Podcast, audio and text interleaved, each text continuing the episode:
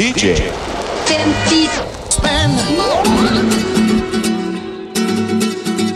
Välkommen till podcasten med de billiga skivorna och de tydliga reglerna. Jag heter Tom Jönsson och i varenda jävla avsnitt av DJ 50 spänn så bjuder jag in en grävande musikälskare som får 50 kronor att shoppa fem gamla vinylskivor för i blandade kategorier. Och de ska liksom köpas på en loppis eller en skivbörs. Det är väldigt, väldigt viktigt att följa de reglerna. Och sen spelar vi lite av musiken och eh, ja, snackar om vad den för oss in på. Lite som Vinyl 107, men med ett uppdrag, större variation på musiken och faktiskt så spelas skivorna på en skivspelare och inte från en hårddisk. Eh, ja, sen vet jag inte. Kanske är mindre irriterande programledare här också än Vinyl 107. Vad vet jag? Vad säger du Jonas Markbäck? Tror att du är mindre irriterande. Händer det att du lyssnar på Vinyl 107 ibland? Det händer, fast inte lika mycket som jag gjorde förut. Jag Mm. lyssnar mer på lugna favoriter. Ja, varför är Lugna favoriter mer ditt val? Jag gillar ballader framför allt, men också, jag hade en period när jag pluggade i Linköping. När jag bestämde mig för att lyssna på lugna favoriter tills de spelade Roxettes Milk and Toast and Honey. Så jag fick lyssna på lugna favoriter i, jag vet inte, två veckor kanske. Men, men den kom till slut? Den kom till slut och då var jag jävligt trött på Carolas ballader och alla andra ballader. Det känns lite som en insats från ditt håll att, att liksom, du hade gett dig fan på att den skulle komma förr eller senare. Jag trodde det skulle gå snabbare, men när jag väl hade gjort det ett par dagar så var det lika bra att köra. jag. Nu ska jag också säga välkommen, för det är du som är dagens gäst om man inte har eh, listat ut det. Tackar. Vad står det på ditt visitkort? Framförallt just nu jobbar med copyright inom musik. Ah, du, du är musikbyråkrat. Jajamän. Jag känner att jag gärna vill liksom sätta epitetet indie-profil på dig. Känns det okej? Det är nog okej. Är det inte så att du egentligen är eh, känd, åtminstone i Stockholm?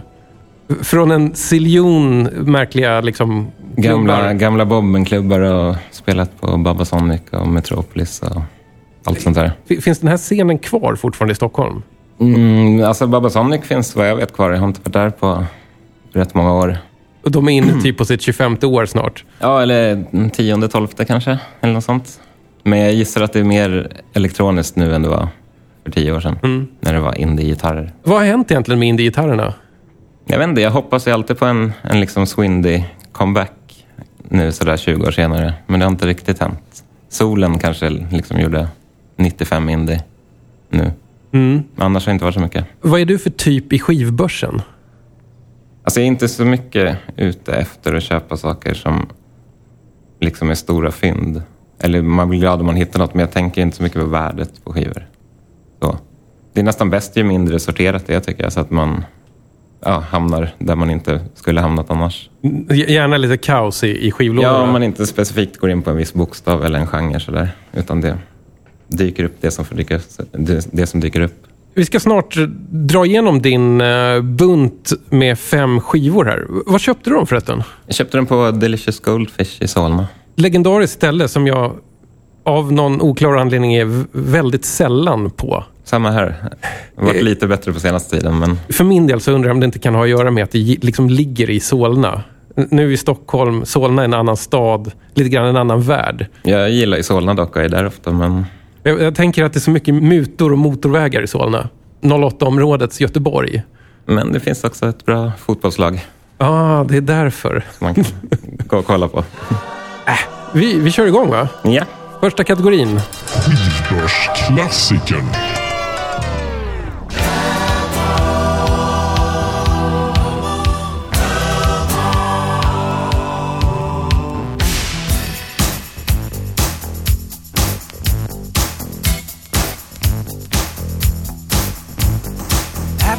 The heart go fonder, but it's taking me under.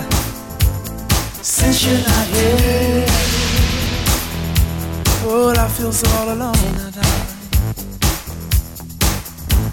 It's bitter when it's hard to get, but this hide and go see.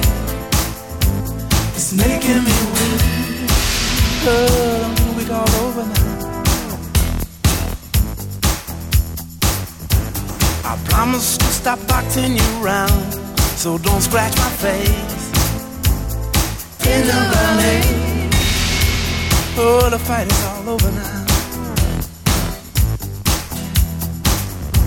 We need to get our act together, take it on the street. Bring it on home and drop them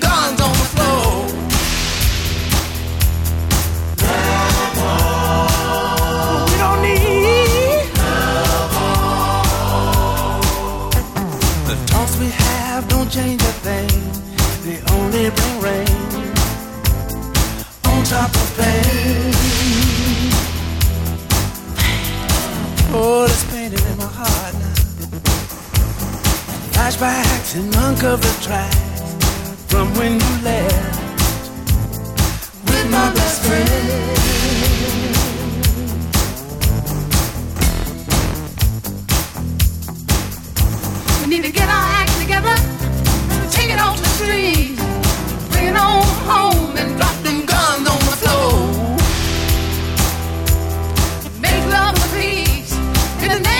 cheek. I'll be strong and let the band roll on. Stop the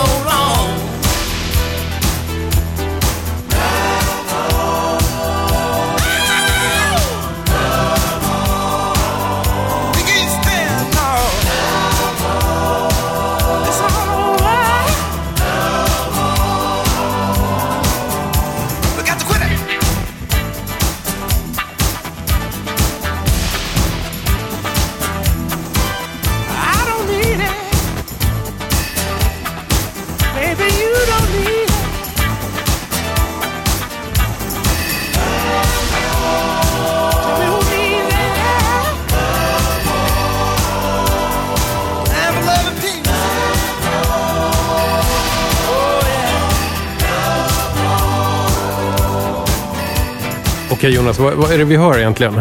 Vi hörde Womack and Womack med Love Wars, titelspåret från skivan. Jag. Ja, jag tyckte att det här lät sj- sjukt bra. Mm, Vem är det som har producerat egentligen? Eh, Stuart Levine har producerat här. Ja, det ringer verkligen ingen klocka. Nej, vem, det- vem, vem fan är det? Det lilla jag vet om honom, han har producerat Up Where We Belong. Så att han, jag tror han rör sig lite i rätt oförargliga marker Okej. överlag. Ja. Men det här var ju ändå alltså, på något sätt lite, lite modernt ändå kändes det. Mm, jag tycker det har ändå åldrats med värdighet. Det, det det är från 83 det här. Yes. Men jag tycker också det låter rätt mycket som senare 80-talssaker från 87 och 88 sådär. Ja. Som Dusty Springfields In Private och sådär. Jag kommer att tänka lite på Paul McCartney av någon anledning. Mm. Jag vet inte exakt vad det var, men det var någonting i, i versen som kändes väldigt så här McCartney-eskt på något sätt. Ja, det finns ju också en liten Michael Jackson-del där. Undrar om vi, om vi tänker på typ Say, Say, Say. Mm. Den här duetten med Michael Jackson och, Paul McCartney. Ja, hur som helst. Womack and Womack Love Wars. Varför är det här en skivbörsklassiker? Den här skivan i sig kanske inte är det, men man ser alltid skivor med dem, tycker jag. Eh, och den här har jag sett också. Ja, jag, det har nog hänt att jag har plockat på mig en del eh, grejer. Jag har lite svårt ibland att skilja på uh, Womack and Womack och Ashford and Simpson. Ett annat sånt här äkta par. Mm. Eller ett par i alla fall, som skriver och sjunger ihop. Jag tror att man får hålla isär dem genom att tänka på liksom släktskapet med Bobby Womack och hela den. Och hon är dotter till Sam Cooke som är en av mina favoritröster och artister. Det, det låter som att du kan det här ganska snåriga eh, familjeträdet, alltså Womack-klanen. Mm, Får, man, får man väl ändå lov att kalla det. Den, den, är, den hänger ihop på ett ganska intrikat sätt. Ja, eh, de var ju med, både Bobby och Cecil som är med här och tre bro, brorsor till tror jag. Var ju med i Valentinos någon gång i början på 60-talet. Som hade en hit med It's All Over Now som Rolling Stones sen gjorde känd. Just det. Och här gör de ju för övrigt en Rolling Stones-cover. Angie, eller Angie. De betalar tillbaks lite. Ja, lite grann. Mm, men sen när Sam Cooke dog så gifte sig Bobby Womack med hans änka då, tror jag ett, två år senare. Och då blev ju liksom, Bobby Womack blev ju Lindas styvfar. Och Cecil Womack tror jag var gift, eller ihop med, gift på den tiden säkert, med, med soulsångerskan Mary Wells i ett, rätt många år. Sen skilde de sig och då blev Linda och Cecil tillsammans och sen lite efter det bildade de Womack and Womack. Så det är lite snårigt. Och det känns ju kanske inte som att det är till Womack-familjens fördel att Bobby snor Sam Cooks fru när Sam Cook dör. Nej, Och sen kommer Cecil in och gifter sig med hans dotter. Känns det inte lite som så här kungafamiljer för några hundra år sedan? Att det kan, kan ha varit Lite mycket, för mycket här... släktskap så Ja, för att det ska vara helt okej. precis. Är du nöjd med din eh, skivbörsklassiker? Mm, jag tycker att många av låtarna är väldigt bra. Det finns väl ett par stycken som inte är lika bra. Men TKO är väl en av deras största hits, tror jag. Gjord av eh, flera andra artister, är det inte så? Jo, det finns en del covers på den. Vet du vad, jag måste kolla på min fusklapp. Uh, Teddy Pendergrass eh, och sen Debbie Harry, Hall Oates, Boss Gags, Michael McDonald. Det är, ja, men, Det är rätt okej Ja. gäng. Jag har inte superkoll på Wo- Womack and Womack. Vilken är deras bästa skiva egentligen? Jag har inte jättekoll på det, men den här skivan har jag lyssnat på i rätt många år fram, från och till ibland. Sådär. Men framförallt så fastnar jag väl för dem med, med Teardrops. Den Mm. är väl från 87-88.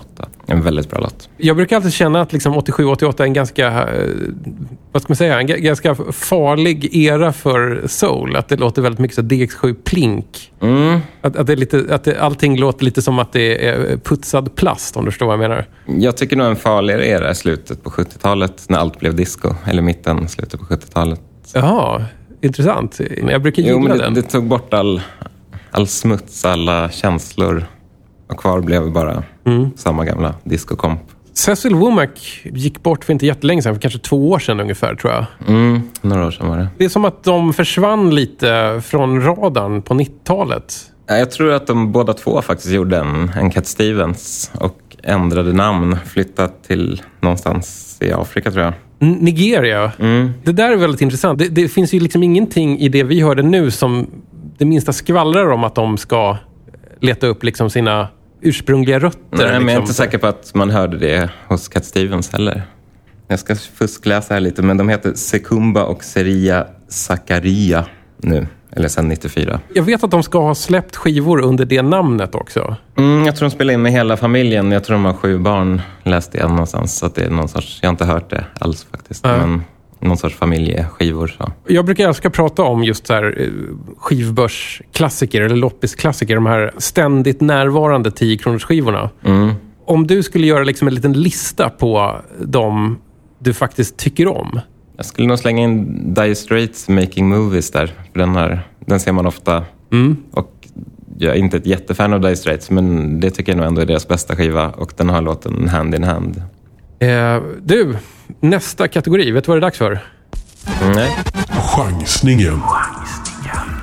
Det här är ett band som... Jag tror att jag har läst mycket om dem. Jag undrar om jag någonsin har hört dem. Det var lite samma sak med mig. I received a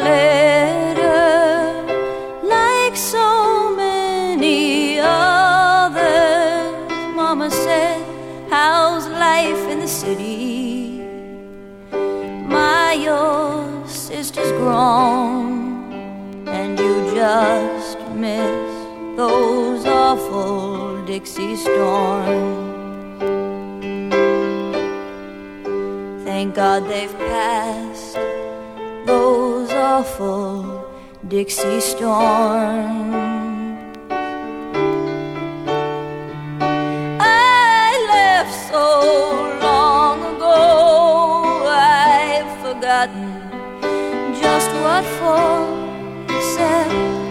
When a big city beckons. You have no choice but to go. And here there are no Dixie storms. Thank God there are no Dixie storms.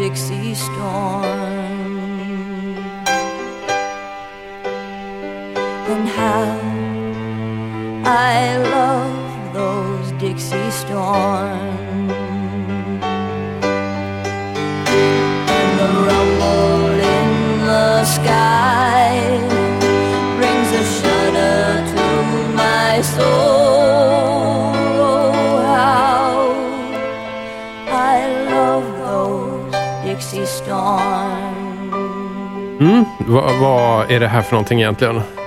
Eh, Det var Lone Justice. D- Din chansning alltså? Mm.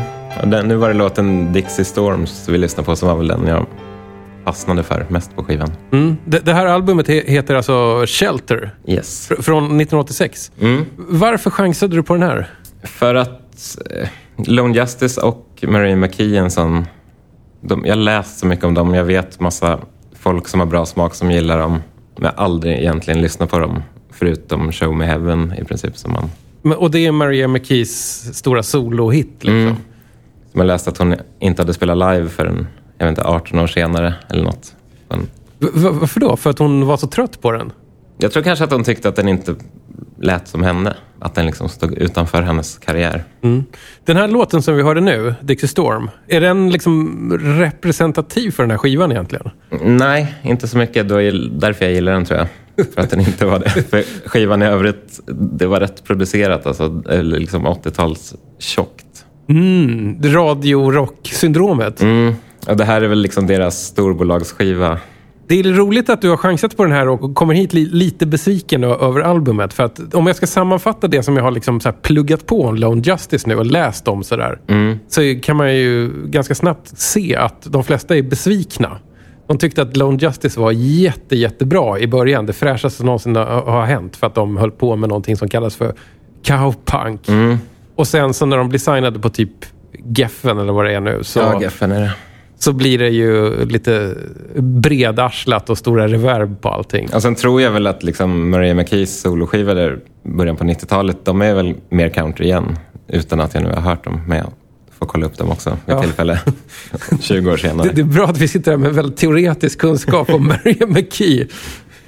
Vad var det som fick dig liksom att plocka upp den här? Jag tror så att jag läst om Maria McKee i varje fall sen något tidigt nummer av tidningen Pop, sådär 93, 94 kanske. Och alltid tänkt att det är något jag borde gilla.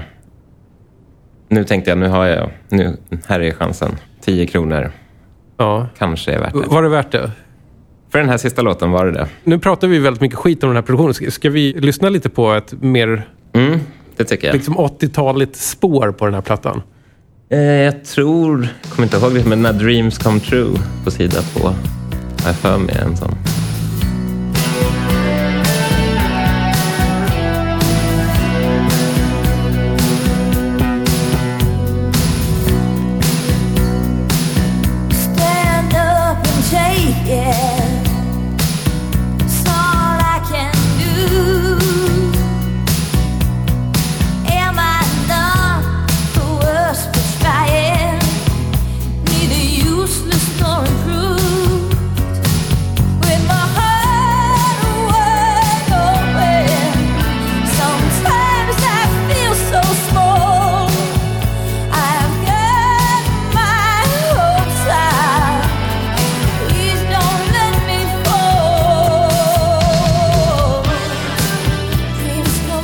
Vad får det här dig att tänka på?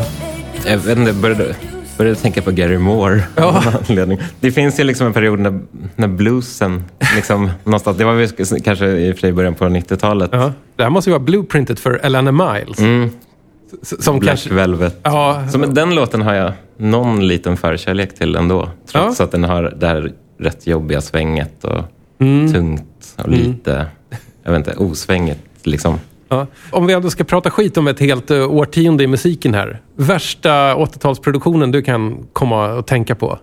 Alltså det är både värsta och bästa kanske, men jag tänker ändå Born in the USA. Ja.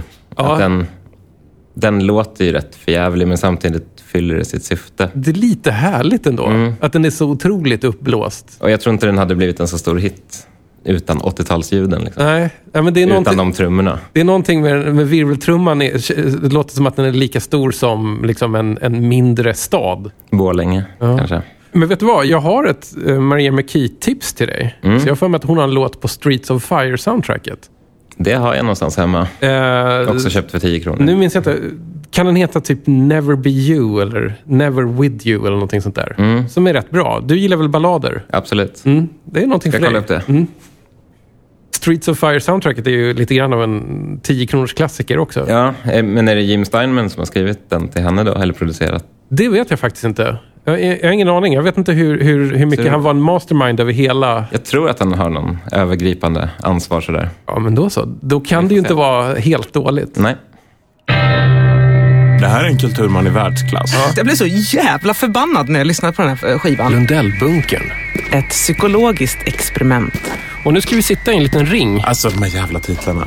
Välkomna till Lundellbunkern. Det är inte så jävla potent i nuet, men det har varit jävligt potent. Och det Ska ni veta, vi finns där du hämtar poddar. Jag håller på att bli galen av det här projektet. Och nu kanske det blir lite större leenden här. Jag vet inte. Nostalgiköpet.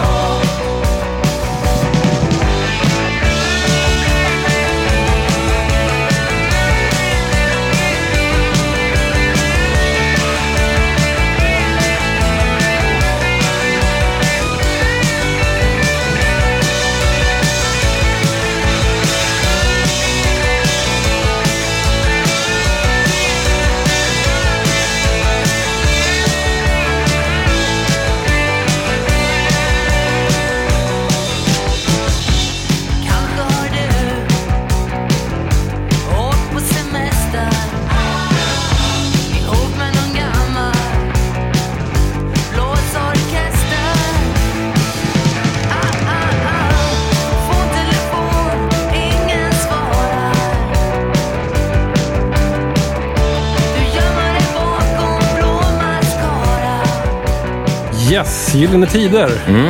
Få en telefon från albumet som bara heter Gyllene Tider. Gyllene Tider.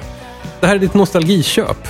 Ja, Var det lätt val det här när du såg den i... rätt enkelt. Även om jag är ju lite för ung för att ha lyssnat på den här skivan när den kom. Men Per Gessle för mig och liksom Look, Joyride-tiden är där jag... Var, var det så du, du kom in i Per Gessle-universumet? Ja, någonstans där. Är det så att du älskar allting som har med Per Gessle att göra? Det mesta. Varför det? Han är en väldigt bra sångare tycker jag. En underskattad textförfattare. Skriver väldigt bra låtar. Och jag gillar hela den här... um, Att han har lyckats... Att han liksom håller tre parallella karriärer igång. Ja, det är ju ganska duktigt. Även om jag, jag har inte velat... Jag har inte varit så peppad på nya Roxette-skivor sen, jag vet inte, sen 90-talet. Men hans soloskivor och liksom även senaste Gyllene Tider-skivan tycker jag är rätt underskattad. Vilken är Per Gessles bästa eh, skapelse någonsin? Eh, det måste vara Gyllene Tiders Chrissy Hur mår du? från andra skivan. Och, och varför det? Det är en väldigt bra text. Han, ingen tänker riktigt på att han skriver faktiskt bra texter. Dels bra, seriösa texter, men också... Ingen kan skriva poptexter som han. Nej, men jag, Totalt jag, meningslösa, men ändå... Ja, Alltså den enda låten jag inte gillar med dem är typ Billy, för den, där finns det inget trams. Mm. Den försöker liksom vara seriös. helt igenom en seriös eh, Gyllene Tider-låt. Det fanns ju Billy med på den här första EPn de släppte innan den här skivan. När de var lite mer punk. Den härstammar ju liksom från det. Men där har de en låt som heter Rembrandt. Mm. Där han sjunger Snuten kom och tog mitt hembränt. Det hände aldrig Rembrandt. Snuten kom och högg min grogg. Det hände aldrig van Gogh. Som han har snott från Jonathan Richman och Modern Lovers Pablo Picasso. Men ändå, Ja. det är en väldigt bra låt. Det ingår ju att sno lite grann. Jag tänker lite att jag har Roxette och tacka för hela...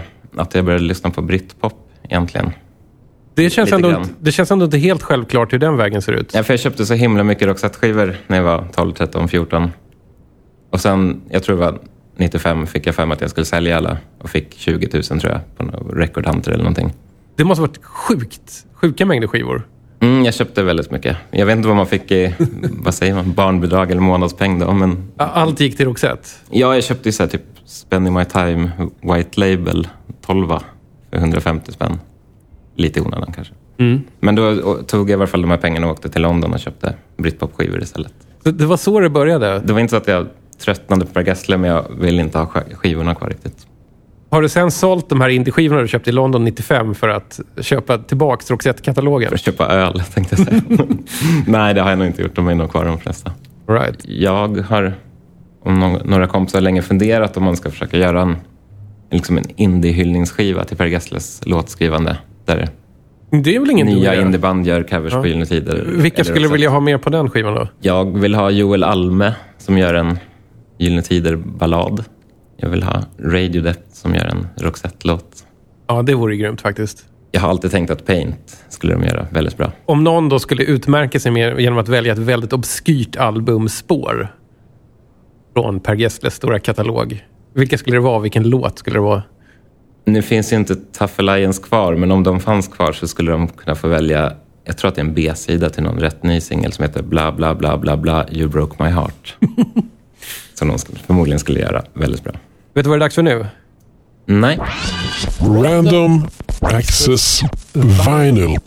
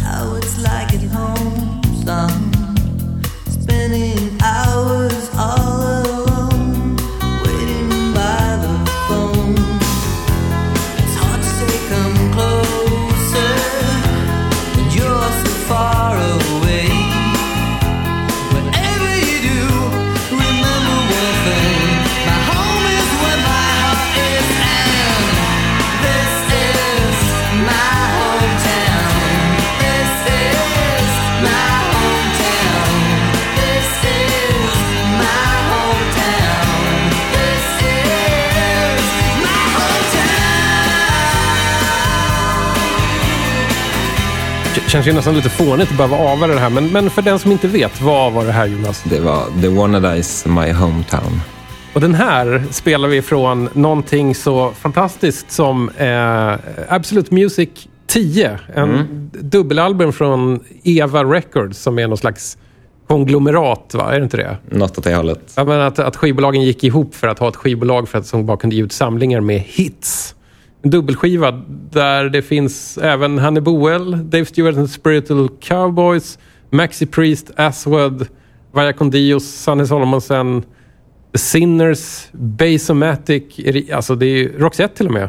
Hur kommer det sig att du valde just Wannadies av allt som fanns på den här menyn? Jo, när jag slumpade upp den här så blev jag ändå rätt glad och tänkte här finns det, det måste finnas någon bra låt på den här.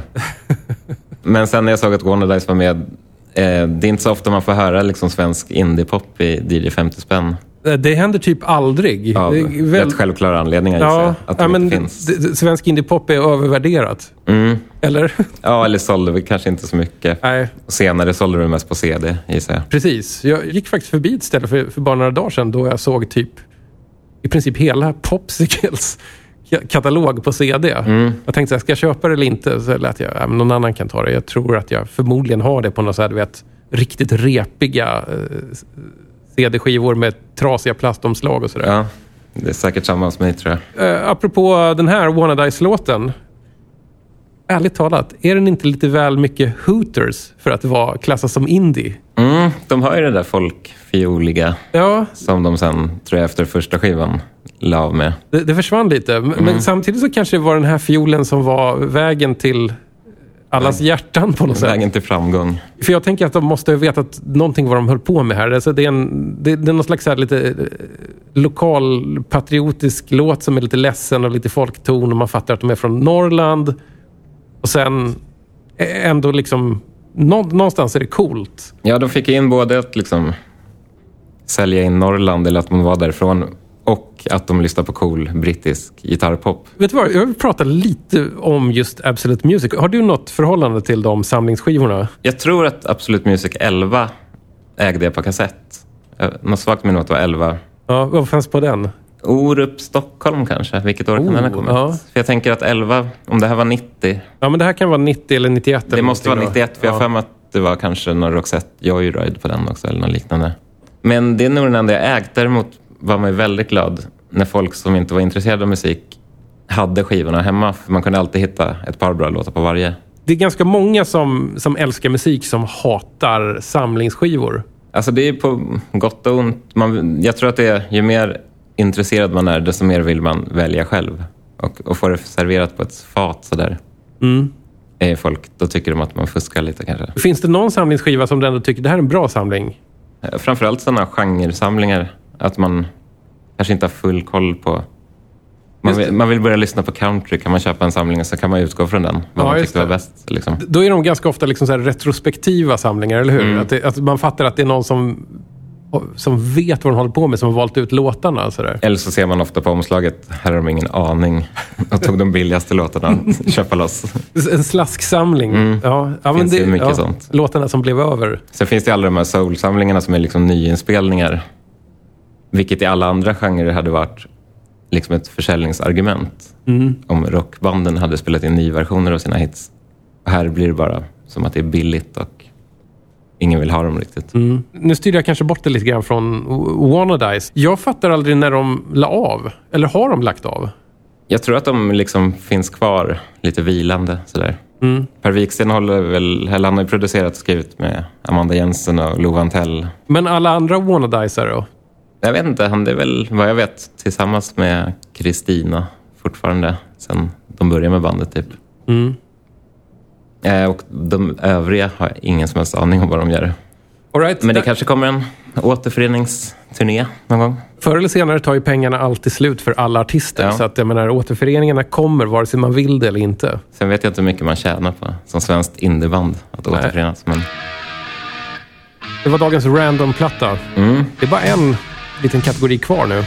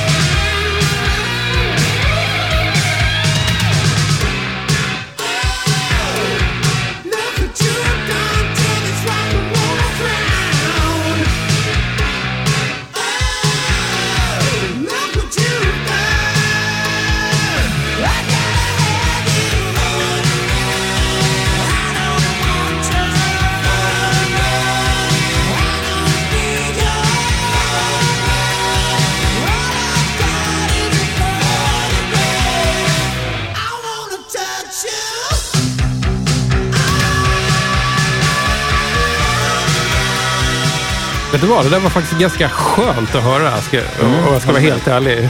Jävligt bra poplåt, måste jag säga. Vad är det här? Det var Def Leppard med Photograph. Det här är från Pyromania-plattan. Japp. Och för att sätta in den i, ett, eh, i en kontext här. Det, det är 1983. Mats Lang, eller hur det nu uttalas, superproducenten sitter bakom spakarna. Def Leppards trummis har fortfarande bägge armarna kvar. Och det är ett band alltså, som är på väg uppåt verkligen. Det här var väl deras första riktiga hitskiva. Sen fortsatte det väl med honom som producent ett par skivor till i varje fall. Om man ska liksom sätta procentsatser här, hur mycket metal och hur mycket pop egentligen? 90% pop, 5% gitarrsolon, kanske 0% metal. Idag hade det här blivit bortröstat ur Melodifestivalen för att det var för mesigt. Mm. Jag antar att folk tyckte fortfarande att de var rätt coola. Ja. Rätt hårda. Varför är Def Leppards Pyromania ditt fynd? Jag är inget jättefan av dem, men det är en väldigt bra popskiva. Man ser inte den här typen av musik så ofta för 10 kronor. Nej, Nästan aldrig skulle jag säga. För att gissningsvis hårdrocksfansen har köpt upp alla, eller Ja. har pengar. Alltså, jag, jag kan ha sett någon av de här stora Def Leppard-skivorna någon gång för 10 kronor faktiskt. Mm. Men, men det stoppar typ där alltså. Och då tänker jag att anledningen till att Def Leppard kanske någon gång ibland kan hamna i en 10 kronors back är för att de... Jag vet inte, det är lite synd om dem. De, de fick ett sånt här sell-out-rykte. Ja, någon som inser, fan det här var inte hårdrock. Att det fanns man skänka bort dem? Vilka är Def Leppard egentligen? Jag tänker som med många av de här banden, de känns ju väldigt arbetarklass där från Sheffield. Man Mm. tänker att de, de hade nog inte så mycket pengar när de startade bandet. Jag, jag vet att jag har lyssnat på någon intervju med dem, någonting, när, när de faktiskt beskrev rätt bra hur fruktansvärt tråkigt det var att stå och bocka plåt i en fabrik. Alltså att för deras del så var det verkligen att det var så sjukt viktigt att komma därifrån. De kanske aldrig riktigt tänkte att, att det skulle gå så här bra. De behövde bara flykten liksom, av ett band. Ja, bara för att överleva arbetsdagen så kan man efter gå och repa med sitt band. Sen gick det ju så sjukt bra för Def Leppard, framförallt i USA. Om jag fattat rätt så är det liksom det en av anledningarna till att de blev liksom betraktade lite som sell-out metal. I alla fall på hemmaplan. Det, det här kom ju väldigt rätt i tiden och var liksom en lite ny typ av syntigare produktion. Väldigt MTV-vänlig. Mm. Jag vet inte, det också. Till skillnad från de här riktigt 80-talsproduktionerna man inte orkar lyssna på längre så låter det här rätt bra även idag tycker jag. Det finns någon slags lätthet ändå i det. Mm, jag såg någon dokumentär när de sa att de inte kunde spela de här låtarna live. För de hade aldrig spelat igenom dem riktigt. För att de spelade in små delar i taget och liksom blev producerade mer än de var vana vid. Alltså att låten typ klistrades ihop. Det, det låter ju väldigt modernt sätt Mm. Ja, att men det jobba var på. väl, gissar jag, någon så framtidsproduktion med liksom den här syntigare metal. Jag har ju mina minnen av dem i, då var det liksom ett band med ojämnt antal armar. Då tyckte man ju att han var så cool som satt där. Med specialbyggda trummor där och spelade med fötterna. Det var väl också lite det att de låg i framkant, lite fram, liksom framtiden, utnyttja tekniken. Sista skivan för idag. Väldigt glad att det blev Def Leppard faktiskt. Mm, jag kände så. Jag, jag känner att Def Leppard ska bli min nya grej här i ett par veckor. Mm. Nästa gång du ser mig så kommer jag ha någon slags eh, zebramönstrade tights och tuperat hår. Det är nästan slut för idag. Mm. Hur kändes det att köpa skräpvinyl på uppdrag så här? Det, jag var lite nervös innan att man inte skulle hitta något kul.